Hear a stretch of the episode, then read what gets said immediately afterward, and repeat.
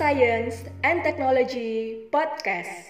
Halo Foodcaster, kembali lagi di Foodcast episode 13, edisi Mitos dan Fakta Gizi. Yoi, kalau kemarin di episode 11 kita udah bahas edisi karbohidrat. Nah, sekarang giliran edisi, edisi lemak nih guys. Kayaknya pas banget ya kalau episode ini kita bahas lemak dulu. Karena beberapa hari lagi kan lebaran nih. Terus bagi yang merayakan lebaran, termasuk gue juga nih, biasanya kan hampir pasti ya sebagai orang Indonesia kalau lebaran tuh ketemu sama opor ayam, gulai sapi, gulai kambing, rendang ya. Pokoknya makanan-makanan bersantan. Belum lagi sayurannya, itu juga pakai santan loh. Ya pokoknya nggak boleh diet lah ya kalau lagi lebaran. Iya Far, terus pasti ngemilnya juga kue-kue gitu kan ya Far ya, kue kering kayak nastar, kastengel gitu. Iya dong, gue pasti ngemil kastengel tuh, apalagi yang aroma butternya udah kecium dari pas buka toples. Hmm, Iya, Terus banyak kejunya pula. Hmm. Aduh, dibayangin aja udah enak banget ya. Gue juga ikut loh menikmati si kue-kue kering itu kalau ada. Nggak kode ya guys.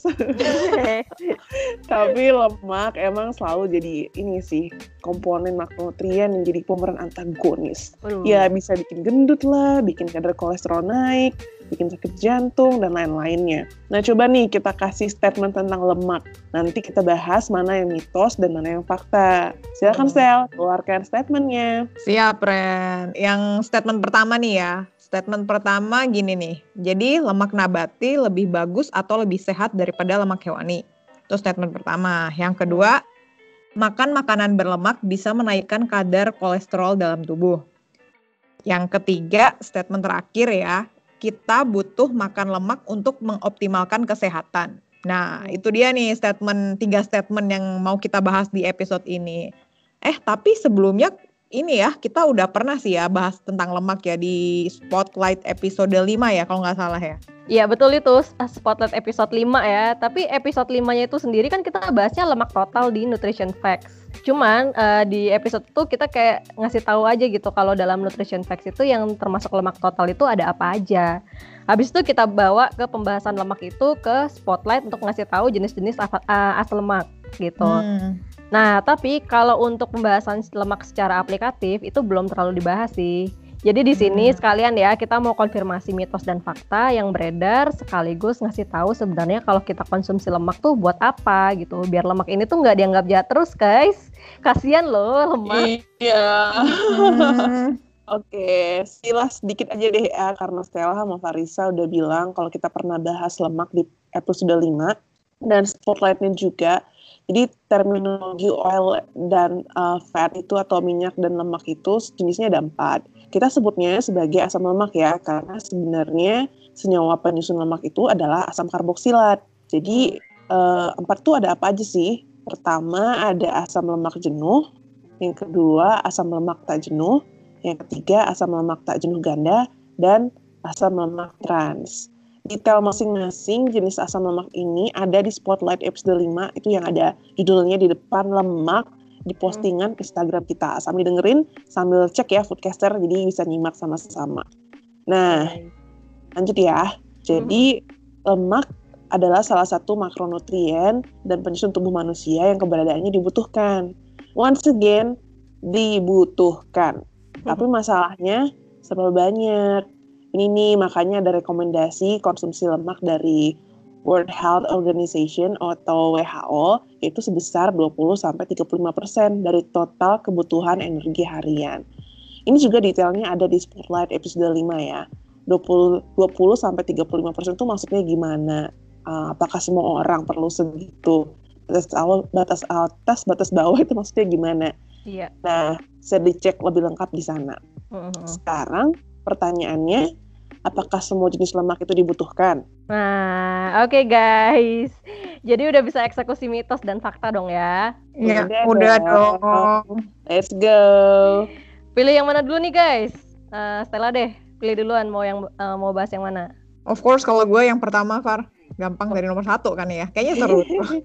Yang ini ya, lemak nabati lebih bagus atau lebih sehat daripada lemak hewani? Iya, betul sekali, Far. Itu sih menurut gue ya agak kontroversial sih ya, karena kayak banyak banget kampanye yang menyebutkan lemak asal hewani itu selalu jelek, karena lebih banyak mengandung asam lemak jenuh, dan lemak nabati itu lebih baik karena lebih banyak mengandung asam lemak tidak jenuh. Padahal itu nggak selalu ya, Far ya. Iya. Soalnya kan asam lemak tidak jenuh itu juga ada di bahan pangan hewani dan bahan pangan nabati juga ada yang mengandung asam lemak jenuh. Eh, wait wait, gua ngomong jenuh nggak jenuh, kalian jenuh nggak nih? Em, kayaknya enggak sih, cuman rawan ketukar aja. Stel. iya, iya, iya. Gua mau tes deh, mau tes dulu, cek dulu masih inget apa enggak nih kalian tentang asam lemak jenuh dan tidak jenuh. Ya masih dong. Kita pernah bahas kan ya. Jadi asam lemak jenuh itu di struktur rantai karbonnya nggak ada ikatan rangkap. Sementara asam lemak tidak jenuh itu ada ikatan rangkap di strukturnya gitu. Bisa dua atau tiga rangkap. Biar nggak imajiner banget nih. Ya udah cek aja spotlight episode 5 yang judulnya lemak ya. Lagi-lagi balik lagi ke situ. Flashback terus kita. Tapi emang iya di situ lengkap kok di spotlight episode 5 gitu gitu. Yang ada gambar-gambarnya juga strukturnya kayak gimana. Yang jelas kalau secara fisik asam lemak jenuh berbentuk padat pada suhu ruang, sedangkan asam lemak tidak jenuh itu berbentuk cair dalam suhu ruang. Tapi kalau didinginkan bisa memadat juga sih, bener nggak Sel? Iya, benar-benar. Betul, Far. Dapat 100 nih, 100. Asik. Tapi ngutang dulu ya, ngutang dulu. Masih pandemi nih, nggak boleh ke mana-mana. Eh, ya udah, gue cukup dapat nilai A aja sih, gitu Oke, kan. oke. Laut gitu ya. A untuk Farisa. Oke. Nilainya minta minta Irena nih, kayaknya bisa nih. Oh iya iya bud. Miss, bagiannya Miss kan Irena. Iya. Yoi. Nah, ini ya balik lagi ke topiknya nih, sumber hewani dari ikan ya misalnya. Ternyata tuh eh, sumber hewani dari ikan itu punya asam lemak tidak jenuh yang tinggi juga loh. Walaupun ya beda-beda ya kandungannya tergantung jenis ikan sama lokasinya di mana. Jadi banyak penelitian yang menunjukkan kalau ikan itu juga mengandung asam lemak tidak jenuh ganda atau kalau kita sering baca istilahnya ini di label-label gitu ya atau di eh, mungkin di internet bisa cari tahu juga bisa biasa disebut sama PUFA ya polyunsaturated fatty acid. Misalnya asam lemak eicosapentaenoic atau EPA atau asam doxohexanoat atau DHA mereka berdua berdua ini punya nama lain yang kayaknya kita udah sering banget denger ini yaitu omega 3 sering kan denger itu omega 3 Iya omega dong. 3 Iya iya iya benar-benar. Iya, di iklan juga banyak sih kayak selalu di iklan kayak oh iya mengandung EPH, EPA, DHA atau omega 3. Nah, EPA dan DHA ini adalah asam lemak esensial yang nggak bisa dibuat oleh tubuh kita. Jadi harus disuplai dari asupan makanan memang. Dan EPA dan DHA ini malah jarang ditemukan dari sumber nabati. Jadi lemak sumber hewani ada yang bagus banget kita konsumsi. Misalnya kayak contoh tadi ikan ya bisa dukung kesehatan jantung juga dan banyak studi yang bilang orang Jepang dan orang Greenlandic Inuit itu punya kasus penyakit kardiovaskular atau jantung yang rendah karena tinggi konsumsi ikan ini. Jadi kalau ngomong tentang lemak nabati ada juga yang uh, masuk kategori lemak jenuh juga. Contoh lemak nabati yang mengandung lemak jenuh, minyak sawit yang sering kita pakai buat goreng-goreng itu, Far. Ya apalagi gue nih kan eh, buka puasa hampir setiap buka puasa ada gorengan. eh terus ya, untuk kasus lemak nabati ya itu ada juga Iya. loh yang asam lemak yang mengandung asam lemak trans. Itu Iya. juga asam lemak trans yang nggak bagus juga kan buat kesehatan, iya nggak? Iya, benar, Far. Betul. Eh, produknya itu adalah margarin gitu. Kalian mungkin ada ya di rumah yang punya margarin. Nah, margarin ini sejarahnya dulu karena di negara pengguna butter itu, butter kan bahannya bahan bakunya kan dari susu atau lemak hewani ya. Jadi ada ketakutan dengan lemak hewani itu gitu. Terus dengan teknik hidrogenisa eh, hidrogenasi, sorry hidrogenisasi itu apa? Terus dengan teknik hidrogenasi diciptakanlah margarin gitu. Nah, jadi si hidrogenasi ini margarinnya tuh kayak dipadatin gitu loh. Jadi itu kayak proses pemadatan minyak, minyak nabati ya. Nabati kan tadi gue eh, udah bilang itu kan cair dalam suhu ruang gitu. Nah, itu dipadatin tuh. Jadi punya karakteristik yang mirip sama butter gitu. Tapi setelah dievaluasi ya ternyata margarin ini menghasilkan eh, lemak trans gitu kan dari hasil prosesnya itu. Nah, kalau kalau konsumsi trans eh, lemak trans ini tinggi, itu asosiasinya sama penyakit jantung. Nah, itu nggak baik buat kesehatan gitu. Kurang lebih gitu sih tentang Hmm. lemak trans gitu kan. Pasti kalian sering denger juga lah. Itu kan jatuhnya LDL ya. Iya, jadi intinya tadi ya nggak bisa bandingin mana yang lebih superior karena di nabati itu juga ada berbagai jenis asam lemak ya dan di hewani Hmm. pun juga asam lemaknya macam-macam. Jadi kalau tadi apa yang bilang yang nabati itu selalu lebih bagus, yang hewani itu selalu lebih jelek gitu kan. Itu ya that's not like that gitu. Mm-mm. Yoi. Benar-benar. Iya. Nah, masalahnya lemak nabati lebih sehat daripada lemak uh, daripada lemak hewani ini mungkin berangkatnya dari obrolan tentang diet kali ya. Lagi-lagi nih kita mesti flashback dulu ke episode sebelumnya. Jadi di episode 4 kita udah bahas ya jenis-jenis diet ya. Dan hmm. ada jenis diet yang nggak makan produk hewani, yaitu vegan dan vegetarian. Tapi kalau vegetarian kan masih ada dikonsumsi juga dari produk hewani, kayak telur, susu, terus yang daging-dagingan memang nggak dikonsumsi sih, dan ikan-ikanan juga enggak gitu yeah. untuk yang vegetarian.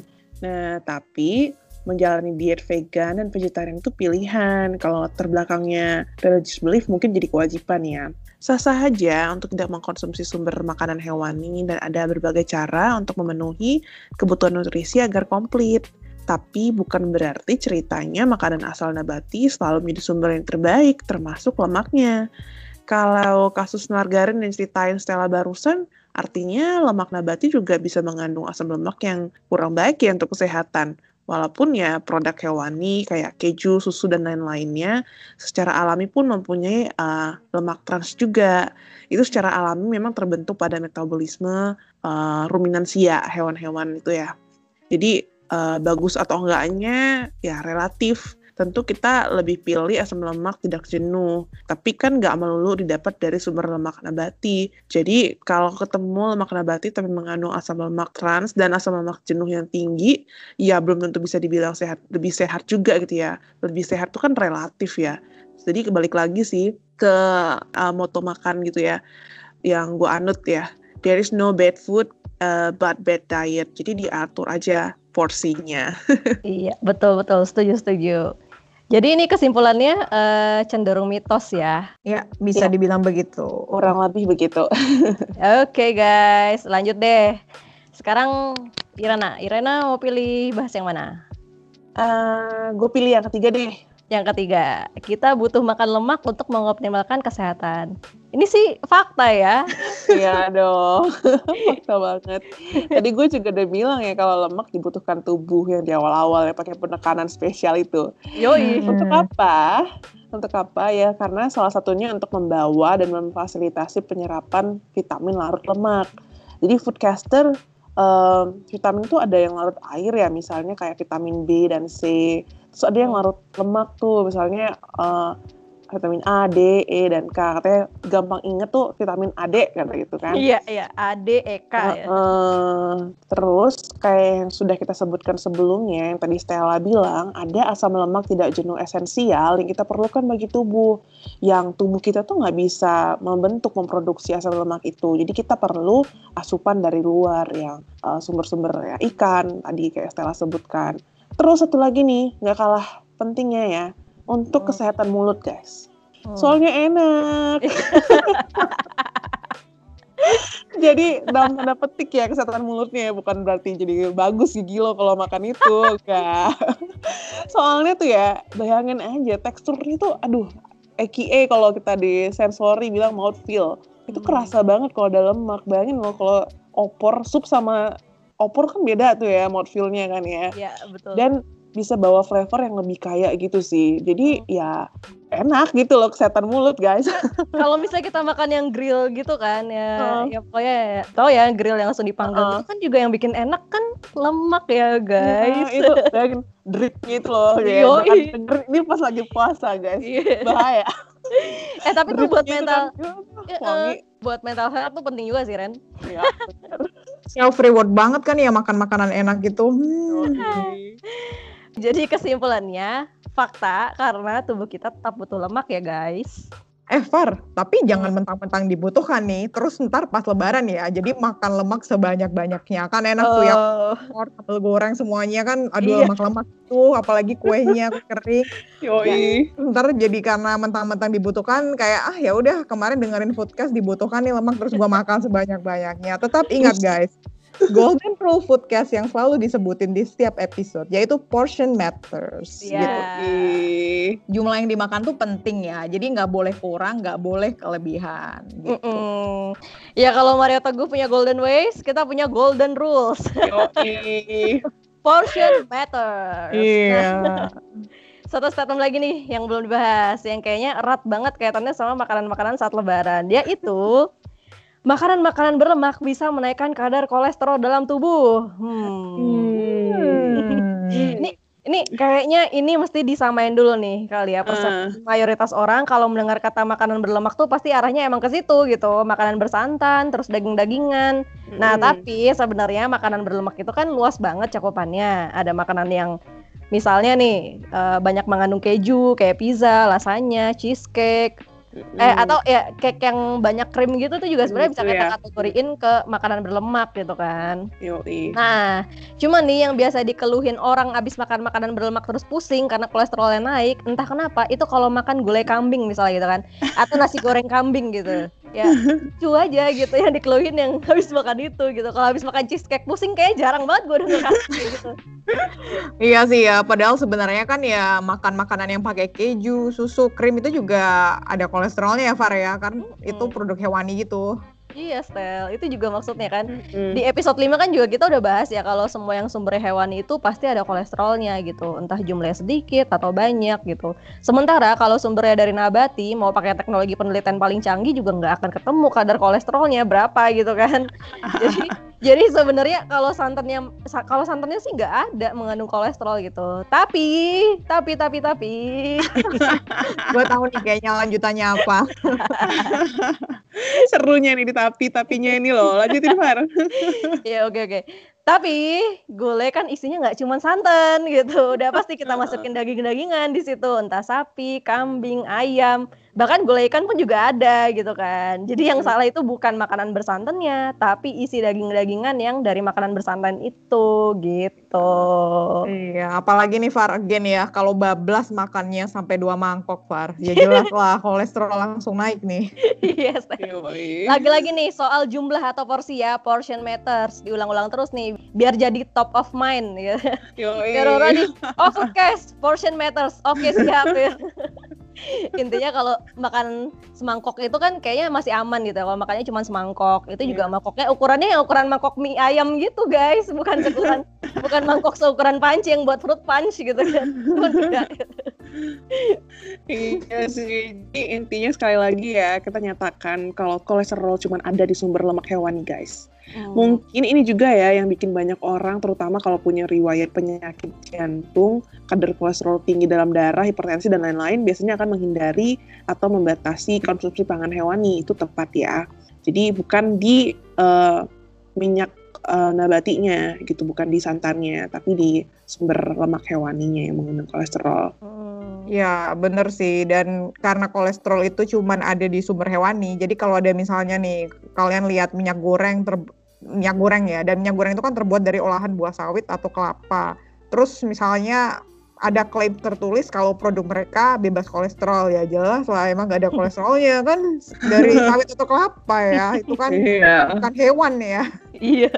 Jadi nggak perlu klaim begitu karena memang dari sumbernya nggak ada jadi ya emang nggak ada hal istimewa gitu di produknya Kayaknya sih produsennya cuma memanfaatkan keparnoan masyarakat terhadap kolesterol aja gitu nggak sih? Ya bisa jadi gitu kali ya Faria. Atau misalnya kayak almond milk atau sari almond terus kayak misalnya klaim ya tidak mengandung kolesterol sehingga lebih sehat daripada susu sapi. ya nggak gitu juga sih ya. Ya emang karena nggak ada kolesterolnya tapi kan itu nggak apple to apple ya perbandingannya karena satu Mm-mm. hewani satu nabati gitu ya. Yoi. Nah, ini perlu banget sih disampaikan biar lebih kritis aja kalau lihat iklan produk nabati tapi klaimnya emang nggak mengandung kolesterol jadi ya perlu agak skeptis ya dengan reklame seperti ini jangan sampai kita bayar lebih mahal untuk jualan yang sebenarnya ne- mereka nggak perlu klaim gitu loh Mm-mm. Emang tidak istimewanya tidak begitu sebenarnya. gitu. Heeh. Oke, jadi yang terakhir ini makanan berlemak bisa bikin kolesterol naik itu cenderung ke mitos ya. Lemaknya dari apa dulu nih? Kalau dari hewani sih iya bisa naikin kolesterol. Tapi kalau berlemaknya dari nabati, kayaknya misal kayak nih ya, misalnya jus alpukat dan lo nggak tambahin kental manis gitu atau susu hewani gitu kan. Statementnya bisa jadi mitos gitu. Yoi. Mungkin kalau kalimatnya ditambahin, jadi makan makanan berlemak hewani bisa bikin kolesterol naik. Nah, itu baru fakta ya. Nah, Iya. betul Alright guys, sekian dulu edisi lemak. Ya kan udah udah semua udah dibahas. Jadi sekian dulu edisi lemak. Semoga merubah persepsi kalian kalau lemak nggak selalu antagonis ya. Terus udah deh, udah gue mau cari kastengel. Lo kalau beli nastar di mana nih Far? Bagi-bagi dong. Terima kasih udah dengerin Foodcast. Semoga podcast kita bermanfaat ya. Sampai jumpa di episode selanjutnya.